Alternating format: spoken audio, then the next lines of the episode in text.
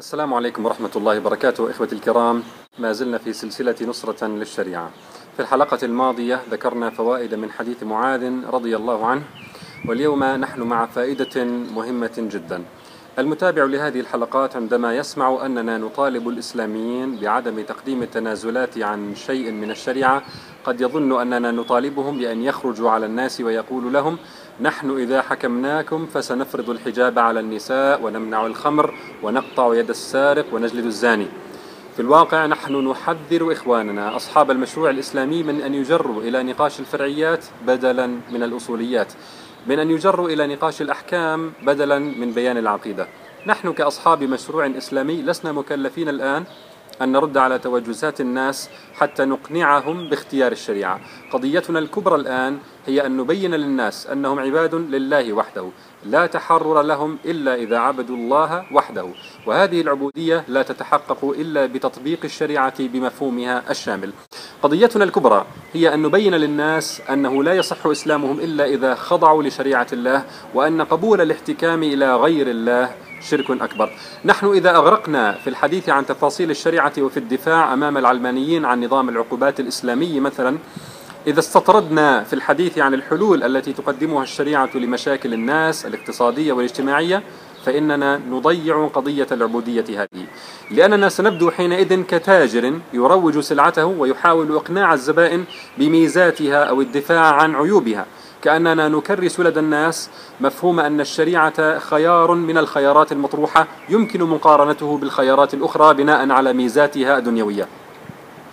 بينما علينا في الواقع أن نقول للناس ألستم مؤمنين بالله تعالى؟ فليس لكم حينئذ إلا قوله تعالى وما كان لمؤمن ولا مؤمنة إذا قضى الله ورسوله أمرا أن يكون لهم الخيارة من أمرهم. فأيتها الشعوب الشريعة لا غنى عنها ولا خيار غيرها. نحن لا نبيع سلعة لنجد أنفسنا مضطرين أن نبين لزبائننا ما فيها حتى يشتروها على نور ولا يقولوا لاحقا أننا خدعناهم.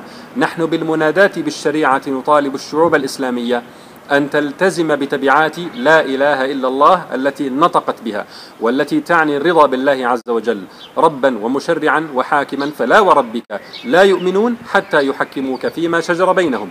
ثم لا يجدوا في أنفسهم حرجا مما قضيت ويسلموا تسليما ويسلموا تسليما. نحن لسنا في مأزق حتى ندافع عن طرحنا.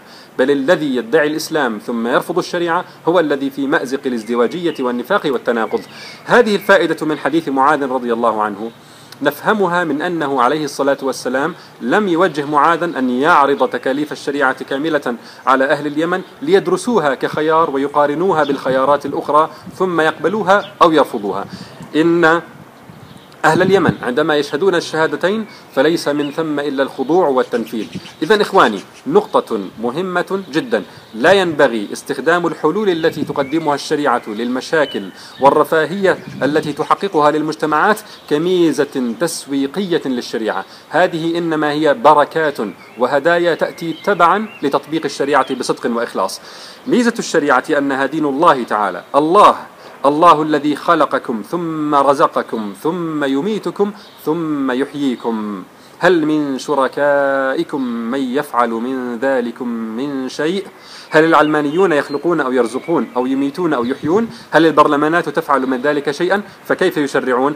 الله الذي خلقكم ثم رزقكم ثم يميتكم ثم يحييكم. هل من شركائكم من يفعل من ذلكم من شيء؟ سبحانه وتعالى عما يشركون. ثم هنا مسألة مهمة جدا. نحن إن نادينا بتطبيق الشريعة على اعتبار أنها تحل مشاكل المجتمع وتحقق الرفاه الدنيوي. إذا استجاب الناس لدعوتنا هذه وقبلوا بتطبيق الشريعة على هذا الأساس هل نكون قد حققنا المقصود؟ أبدا أبدا. فالمقصود من تطبيق الشريعة المقصود من تطبيق الشريعة هو العبودية لله تعالى. فإن اختارتها الشعوب لميزاتها الدنيوية فإنها لا تحقق معنى العبودية. مرة أخرى إذا اختارت الشعوب تطبيق الشريعة بناء على المصالح الدنيوية وأن الشريعة ستحل المشاكل وتحقق الرفاه فإن الشعوب حينئذ لم تحقق معنى العبودية بتطبيق الشريعة ولم تحقق المقصود. ثم إن اختيار تطبيق الشريعة بصدق في بلد ما يتوقع أن يعقبه فترة من التضحيات أمام أعدائها في العالم وهي فترة كفيلة بأن تجعل من اختار الشريعة للدنيا ينكص على عقبيه. إخواني هذا دين الله عز وجل. أجل من أن يعرض على الرف مع غيره ويعدل فيه ليوافق أهواء الزبائن. في هذه السلسلة سأبين بإذن الله تعالى أنه ليس هناك شيء من الشريعة نستحي منه بل والله كل جانب منها بحد ذاته مفخرة نرفع بها رؤوسنا. وبإذن الله سأبين جمال نظام العقوبات الإسلامي ورحمته. نظام العقوبات؟ نعم نظام العقوبات. لكن علينا أن نعلم أن هذا كله ليس ما نقنع به الشعوب. لا يجوز أن نعرض هذه المفاضلة على أنها ميزتنا التسويقية لتسويق الشريعة. نقارن شريعة الله عز وجل بحثالات أفكار واضعي القوانين الوضعية الوضيعة. ألم تر أن السيف ينقص قدره؟ إذا قيل إن السيف أمضى من العصا إنما ميزة الشريعة أنها دين الله. أفغير الله أبتغي حكما؟ وهو الذي أنزل إليكم الكتاب مفصلا؟ طيب إذا سألك المماحك حول نظام العقوبات مثلا ماذا تفعلون بمن يخالف الشريعة؟ يقال له ولماذا يخالفها؟ من يسأل سؤالا كهذا فهو دلالة إبطان سوء لأنه يريد مخالفة أحكام الله. فلماذا يخالفها ابتداء؟ إخواني الذين كانوا يبايعون النبي صلى الله عليه وسلم على الإسلام ما كانوا يسألونه ماذا ستفعل بنا إن خالفنا أوامر الشريعة؟ بين لنا قبل أن نبايعك لأنهم يعلمون أن هذا سؤال لا يسأل بل هو يدل على عدم الجدية في المبايعة على الإسلام. ونحن يراد لنا من مناوئي الشريعة أن نغرق في الردود على الشبهات المثارة عن الشريعة ونلتهي عن طرح ميزتها العظمى ألا وهي أنها شريعة الله خالق الإنسان والأعلم بما يصلح له ويصلحه. هذه هي الميزة التي تجعل قضيتنا هي الوحيدة الرابحة والتي ينبغي أن نركز عليها. إذا عند الحديث عن الشريعة كنظام يجب أن تحتكم إليه الشعوب الإسلامية. علينا أن ننتبه إلى عدم الانشغال بالدفاع عن جزئيات الشريعة أمام الشبهات. قد تقول لكن المعارضين للشريعة سيتهموننا حينئذ بأننا نخبئ أجندة سرية. أيها الأحبة المعارضون للشريعة لن يرضوا عنا حتى نتبع ملتهم. إن رفضنا الانشغال بالردود وركزنا على العبودية فسيقولون أجندة سرية. والذي يرد على الشبهات يجادلونه فيها جدالا يضيع قضية العبودية. والذي يعدهم باحترام رغباتهم حال استلام الحكم سيقولون أنه يبطن غدرا.